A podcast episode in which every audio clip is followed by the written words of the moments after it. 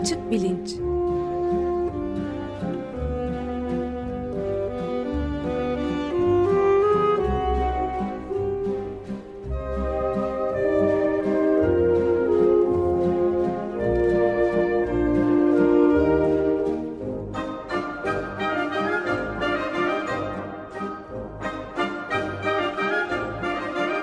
Güven Güzeldere ile bilim ve felsefe sohbetleri. Günaydın Güven Bey merhabalar. Günaydın Ömer Bey. Günaydın Güven Bey merhaba. Evet Günaydın, yeni yeni yılın ilk programını yapıyoruz. Ee, 3 Ocak 2017 Salı. Ee, önce geçtiğimiz yılın bir e, bilançosunu yapalım diye düşündüm. Ee, son birkaç sene olduğu gibi 2016'da çok iyi bir sene oldu. Ee, bir kere Avrupa Birliği üyeliği sonunda gerçekleşti. Senedir, senelerdir uğraşıyorduk. Can Gözün Aydın Teşekkür ederim. de, benim de başka herkesin de vize kuyruklarında beklemekten kurtulduk artık. Evet, çok kötü günlerdi. Ee, e, toplumsal barış sağlandı, patlayan bomba haberleri, ölenler, şehitler öyle e, kötü haberler gelmiyor. E, e, uzunca bir senedir 2016 barış içinde geçti. Hapiste yazar, çizer, gazeteci kalmamış durumda. Özgürlük endeksinde hayli yükseldik. Biliyorsunuz bir ay kadar önce OECD'nin yaptığı PISA sınavlarının sonuçları geldi. Orada da Türkiye ilk ona e, girmiş durumda. E, Algılamada ve dünyayı kapsa, e, kavramakta değil mi?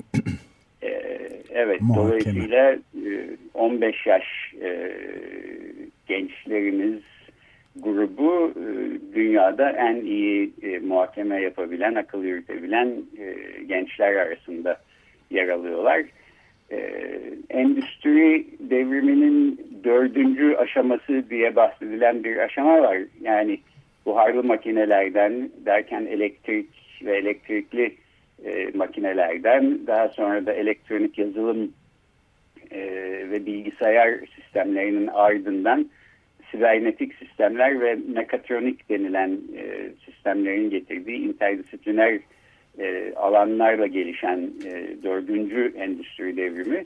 Burada da Türkiye e, patentleriyle, buluşlarıyla e, öncülük e, eder pozisyona gelmiş durumda. Evet, 2016'dan daha fazla Evet en iyi noktalardan biri de tabii tamamen e, yenilenebilir enerjiye geçilmesi oldu. Kömürün tamamen terk edilmesi. ve petrol bağımlılığının da bırakılması o da tabii çok e, mesafe aldıracak Türkiye'ye. Evet, dolayısıyla iklim değişikliği konusunda Türkiye'de e, üzerine düşen sorumluluğu yayına getiren bir ülke olarak e, hepimizin e, vicdanını rahatlatan bir e, kararla e, dünya e, arenasında yerini almış durumda. Evet. E, Peki şimdilik bu küçük bilançonun sonuna geldik ee, ve maalesef hayali bir bilanço 2016 hiç böyle geçmedi bambaşka bir e, şekilde geçti. E, 2017 belki iyi geçer filan diye umuyorduk o da e, yalnızca e, hevesimizin kursağında kalması için bir saat e, kadar ancak e, izin e, çıktı. E, ben e, bugün bu 2017'nin ilk programında e, felsefede olası dünyalar e, kavramı diye bilinen bir kavramdan biraz söz etmek istiyorum. Bunu bir de psikolojide, e, psikoloji literatüründe öğrenilmiş çaresizlik diye bilinen bir başka alana bağlamak istiyorum. E, bu girişi böylece yaptık çünkü aslında e, bazen neyin nasıl farklı olabileceğini söylemek bile, dile getirmek bile e, insana e, gerçekten başka bir dünyanın mümkün olduğunu hatırlatmak açısından e, çarpıcı bir e, etki yapabiliyor. E, biz gerçekten de Avrupa Birliği'ne nasıl üye olduğumuzu, e, gençlerimizin e, sınavlarda nasıl başarılı olduğunu, e, özgürlük endeksinde nasıl yükseldiğimizi konuşuyor olabilirdik. E, bunları konuşamıyor olmamız, tam tersi bir yerde olmamız metafizik bir zorunluluk değil. Tanrı'nın buyruğuyla da bu olduğumuz yerde değiliz elbette. Buradaysak biz kendimiz böyle yaptığımız için e, büyük ölçüde buradayız. Başka bir yerde olacaksak da kendimiz öyle başka türlü yapacağımız için başka bir yerde olacağız. E, bunu söylüyorum çünkü bu öğrenilmiş çaresizlik denen e, durumdan kurtulmanın ilk adımlarından bir tanesi. Bunu hiç akıldan çıkartmamak. O üç değişik e, noktadan bahsedeceğim. Bir tanesi bu. E, olası dünyalar. E, olası dünyalar kavramı felsefede felsefe tarihi boyunca e, çok kullanılmış ama 1970'lerden itibaren özellikle e, Anglo-Sakson e, ya da Anglo-Amerikan e, dil felsefesinde e, çok yer bulmuş bir kavram. E, biz e, birkaç sene önce din ve inanç felsefesinden bahsederken e, bu olası dünyalar kavramını biraz değinmiştik. Çünkü e, 17. ve 18. yüzyılların e, en önemli akılcı felsefecilerinden ve matematikçilerinden Leibniz'in e, kötülük problemi diye bilinen problemle e, boğuşurken e, kendisini e, uzun süreler uğraştırmış bir problem e, kullandığı önemli bir kavram. E, şimdi uzun uzun onu anlatmayayım ama e, bir cümleyle özetleyeyim. E, eğer tek tanrılı e, dinlerden birine mensupsanız ya da böyle bir inancınız varsa e, dünyadaki kötülükleri nasıl açıklayacaksınız? E, kötülük problemi bu. E, çünkü Tanrı her şeyi bilen, e, yalnızca e, iyilikle dolu olan ve e, her şeyi yapmaya kadir bir e, varlık. E, bu üç e, niteliği ışığında Tanrı'nın dünyada hiç kötü bir şeyin olmuyor olması lazım. E, ama kötü bir şeyler oluyor bir, bir yandan. E, masum çocuklar bombalarla ölüyor. Yani binlerce aslında e, e, saymakla bitmeyecek e, kötülükler var dünya yüzünde. E, buna e, iki şekilde açıklama getirmeye çalışıyor e, ilahiyatçılar ve din felsefecileri. Ya şöyle diyebilirsiniz, e, şu, şu soruyu sormak e, gerekiyor. E, şu içinde yaşadığımız dünya en iyi olası dünya mıdır? Yani bu dünyayı eğer Tanrı bu şekilde yarattıysa başka türlü yaratamaz mıydı? Yaratabileceği en mükemmel dünya şu içinde yaşadığımız dünya mı? Ee, değil demek çok zor çünkü o zaman e, Tanrı niye en mükemmel dünyayı yaratmadı? Yaratamadı mı? Bir takım sınırlamalar mı var Tanrı'nın güçleri? E, açısından e, sorular gündeme geliyor. E, hayır bu en iyi olası dünya şu anda içinde yaşadığımız Tanrı'nın bizim için yaratmış olduğu dünyadır dersiniz. O zaman da bu e, yüzlerce binlerce kötülüğün aslında kötülük olmadığını e, belki daha büyük bir resimde baktığımızda e, faydalı şeyler olduğunu söylemek durumundasınız. E, Leibniz uzun süre bu soruyla mücadele ettikten sonra içinde yaşadığımız dünyanın olası en iyi dünya olduğu sonucuna varıyor ve e, hayatının sonuna kadar da bu pozisyonu sürdürerek e, hep bunu e, savunuyor. E,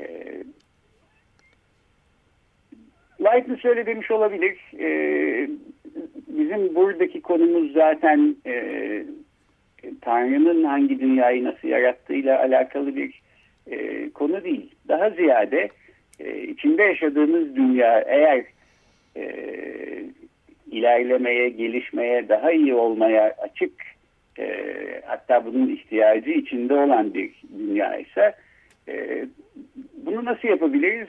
e, ve yapacak bir fail varsa o da aslında biziz. E, bunun altını çizmek.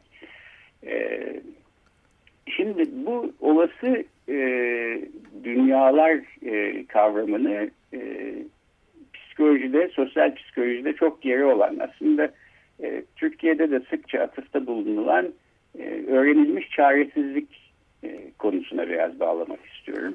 E, Marty Seligman diye bir psikoloji profesörünün 1960'larda yaptığı e, çalışmalar sonucunda e, galiba bu ismi vermesi, learned helplessness, öğrenilmiş çaresizlik ismini vermesi ama 1970'leri e, buluyor.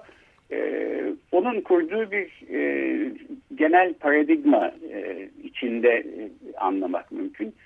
E, şöyle bir deney yapıyor e, Martin Seligman. E, detaylarını e, atlayarak e, kısaca özetleyeyim. E, iki grup köpek e, olduğunu düşünün. Bu köpekleri bir koşum takımı e, koşum takımları içine yerleştiriyor. E, sonra da e, kafeslere koyuyor. E, iki grup arasında şöyle bir fark var. E, iki gruptaki köpeklere de e, şimdi e, burada aslında henüz birkaç hafta önce köpeklerin nasıl insanların en iyi dostları olduğunu filan anlattığımız bir başka programdan sonra böyle şeyleri söylemek insana zor geliyor. E, köpeklere belli aralıklarla canlarını yakacak e, bir elektrik şoku uyguluyorlar.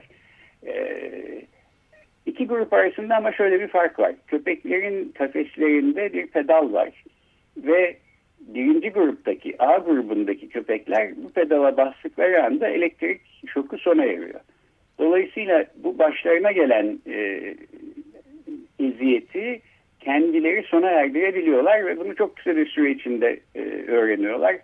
E, gelişi güzel zamanlarda uygulanan e, elektrik şokuna karşı e, şoku sona erdirecek böyle bir e, güç e, oluyor ellerinde A grubu köpeklerinin. B grubu köpekleri e, A grubu köpekleriyle aynı elektrik şokunu aynı süre ve aynı şiddette e, aynı elektrik şokuna maruz kalıyorlar. Onların da e, kafeslerinde bir pedal var fakat bu pedala basmak bir işe yaramıyor. E, B grubundaki köpeklere verilen elektrik şoku da A grubundaki köpeklere verilen elektrik şoku ile aynı anda sona eriyor. E, sona erdiren e, B grubundaki köpeklerin şokunu A grubundaki köpeklerin pedala basması. E, B grubundaki köpekler bunu büyük ihtimalle hiçbir zaman e, doğru dürüst öğrenemiyorlar. Başlarına gelişi güzel zamanlarda e, bir takım eziyetli şeyler e, geliyor. Bunun farkındalar. E, elektrik şoku uygulanıyor kendilerine. Ve ne yapsalar e, elektrik şokunu durduramıyorlar. E, sonsuza kadar sürmüyor. Elektrik şoku ara sıra duruyor. Diğer gruptaki köpekler pedala bastığı için duruyor. Fakat bu ikinci gruptaki köpeklerin hiçbir kontrolü yok. E, elektrik şokunu önlemek ya da sona erdirmek e, konusunda. E, Martin Seligman bu iki gruptaki köpeklerin e, psikolojilerini ve daha sonra e, başka durumlardaki davranışlarını karşılaştırıyor. E, bir süre sonra bu ikinci gruptaki köpeklerin yani e, başlarına gelen maruz kaldıkları acı verici olaylarla e, baş etmek için hiçbir e, yolları, yordamları, yöntemleri olmayan e, ve tamamıyla kendi kontrolleri dışında bir şekilde başlarına kötü şeyler gelmekte olan bu köpekler e, öğrenilmiş çaresizlik denilen bir e, ruh hali belki diyebiliriz. E, bir psikolojik e, durumun içinde kendilerini buluyorlar. E, bu köpekleri buradan çıkartıp deneyin ikinci parçasında e, başka e, kafeslere yerleştiriyor Seligman.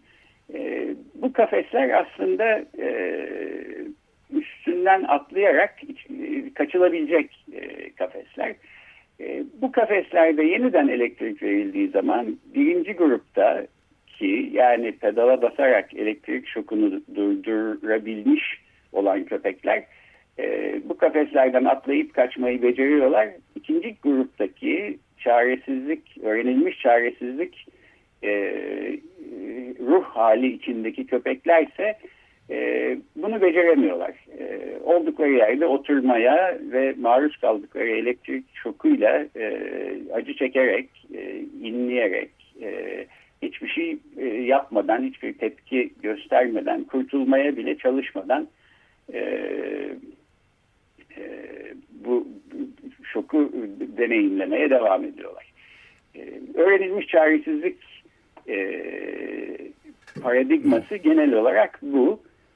E, Martin Seligman bunu e, aslında insanlarda klinik depresyonu çalışırken e, bu paradigmayı kurmuş. Çünkü insanlarda klinik depresyonun da e, yani ne yapsam e, bir faydası olmuyor, kurtulamıyorum hissiyatının derinleşerek yerleşmesi ile denemekten bile vazgeçmek e, haleti aslında e, bütün canlılar e, dünyasında yaygın bir e, biyolojik e, nitelik ya da eğilim olduğunu düşünüyor. İnsanları fakat çalışırken köpekler üstüne yaptığı böyle bir deneyle ünlenmiş. O gün bugün de öğrenilmiş çaresizlik adıyla bu, bu paradigma bilinir durumda. Şimdi burada öğrenilmiş çaresizlikle ilgili aslında pek çok ilginç soru var. Mesela bir tanesi biyolojik dünyada bu kadar yaygın olan e, öğrenilmiş çaresizlik niye bu kadar yaygın? Bunun bir e, evrimsel avantajı var mı? E, niye böyle bir niteliğe sahibiz? E, bu konuda görüşler muhtelif.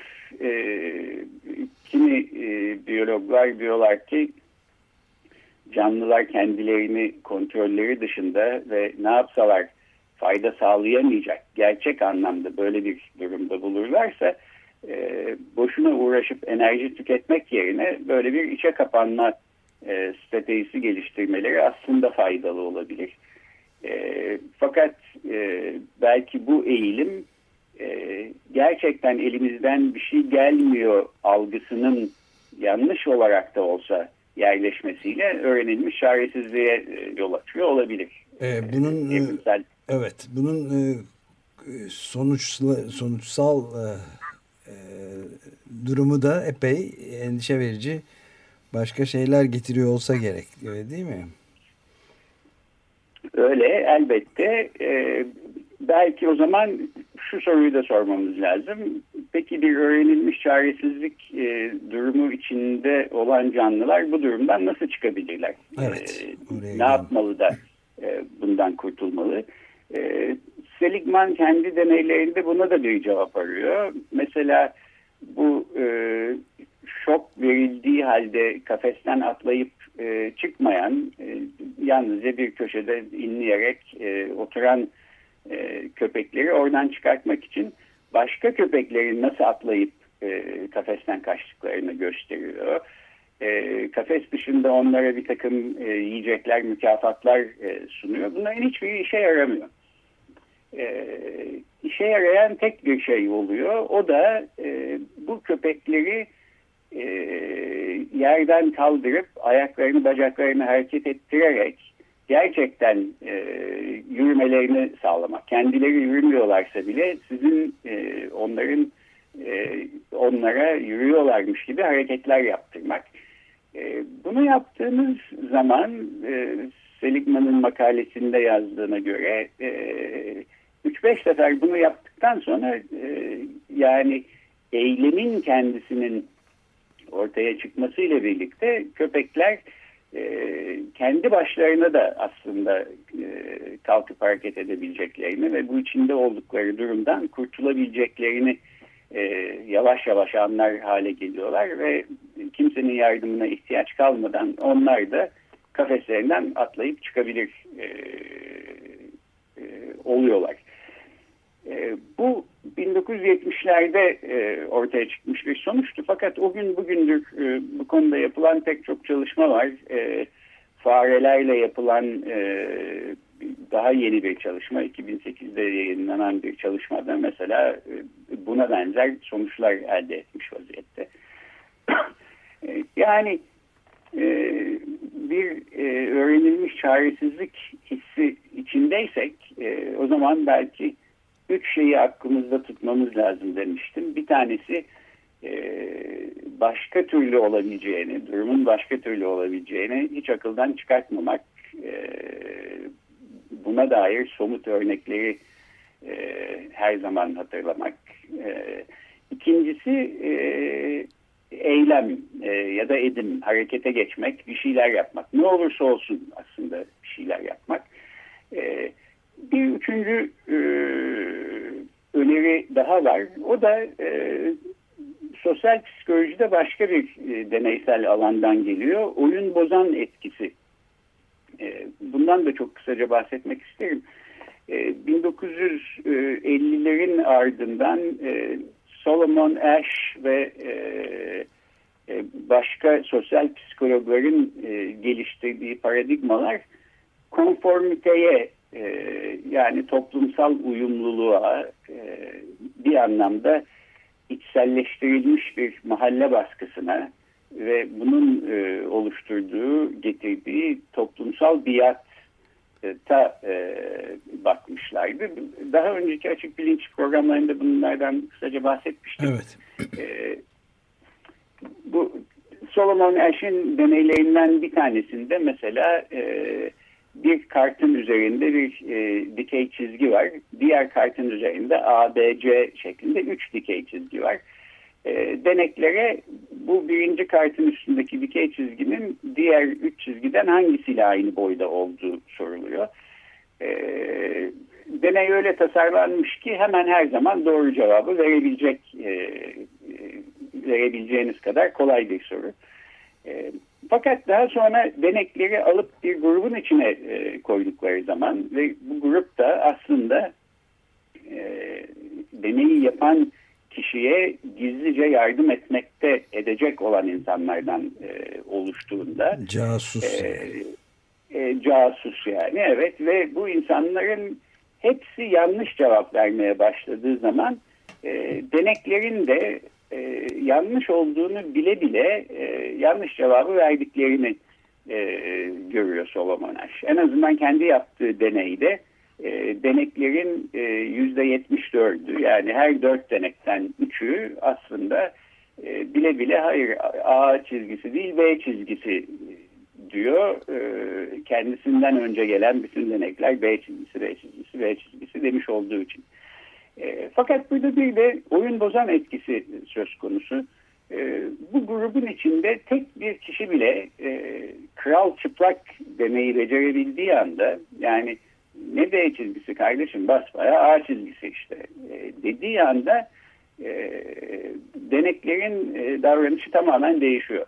Ve bu yüzde 75 oranında yanlış cevabı vermek, e, bir içselleştirilmiş bir e, sosyal baskı ya da konformite nedeniyle e, yanlış cevabı vermek e, eğilimi ortadan e, kalkıyor. E, bir tane bile e, doğru cevabı veren, doğru şeyi söyleyen, kral çıplak diyebilen örnek e, bütün oyunu değiştiriyor. davranışlarını değiştirebiliyor. Bu da e, belki e, öğrenilmiş çaresizlikten çıkmak için üçüncü e, yardımcı nokta e, diyebiliriz. Yani başka türlü olabileceğini unutmamak, harekete geçmek, bir şeyler yapmak e, bir de aslında e, bir takım somut örnekleri e, görmek, e, oyun bozanların e, etrafımızda olması. Evet yani bu ikinci e, şıkta da ikinci olasılıkta da zaten e, eylem ve hareket derken e, bu bir dizi e, sivil itaatsizliği de içeren bir dizi e, eylemden bahsediyoruz herhalde. E, e, evet yani herkesin aslında e, yapabileceği, iyi yapabileceği, ufak tefek ucundan tutabileceği, e, olan biten kötü durumu değiştirmek için ne varsa e, onu yapması bile e, faydalı. Bu literatürdeki e, çalışmalar e, bunu gösteriyor. E, yani 2017'ye girdiğimizde e, Avrupa Birliği üyeliğinden çok uzaktayız. E, toplumsal barıştan, özgürlükten çok uzaktayız. Özgürlük endeksinde en alt sıralardayız. E, işte Hilmi Yavuz gibi 40 yıllık bir e, 80 yaşına merdiven dayamış bir şairin, felsefecinin mallarına e, el konuluyor. E, İşler Gözaydın gibi e, Fethullah Gülen cemaatiyle uzaktan yakından ilgisi olamayacak e, bir insan FETÖ'den e, tutuklanıyor. Ahmet Şık gibi FETÖ konusunda belki en iyi çalışmaları yapmış, en cesaretli gazetecilerden e, bir tanesi tutuklanıp hapse atılıyor. E, haftada bir bombalar patlıyor, insanlar ölüyor. Evet, e, sahiden bir karanlık içinde sürükleniyor gibiyiz. E, ama e, siz de Ömer Bey daha önceki bir programda söylemiştiniz. E, çabaladığımız zaman, çabaladığımız halde kaybetme ihtimalimiz her zaman var. E, ama kesin olan bir şey varsa o da eğer ümidimizi yitirir ve çabalamazsak e, hiçbir zaman kazanma ihtimalimiz olmayacak. Evet.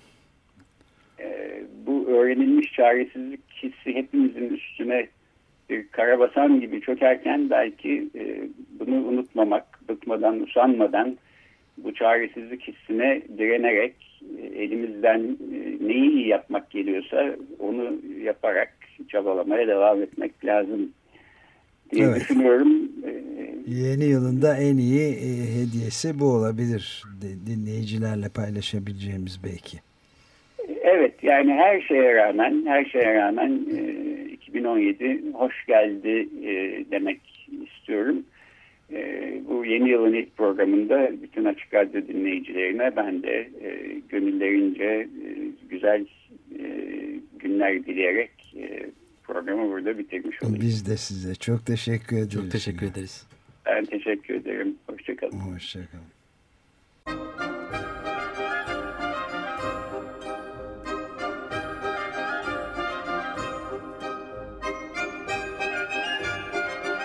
Açık Bilinç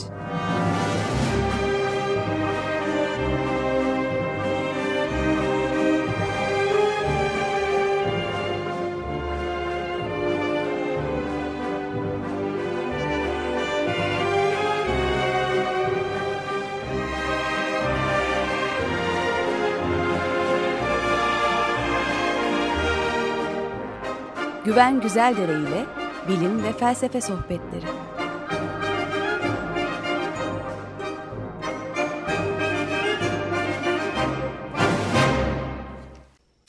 Radyo program destekçisi olun. Bir veya daha fazla programa destek olmak için 212 alan koduyla 343 41 41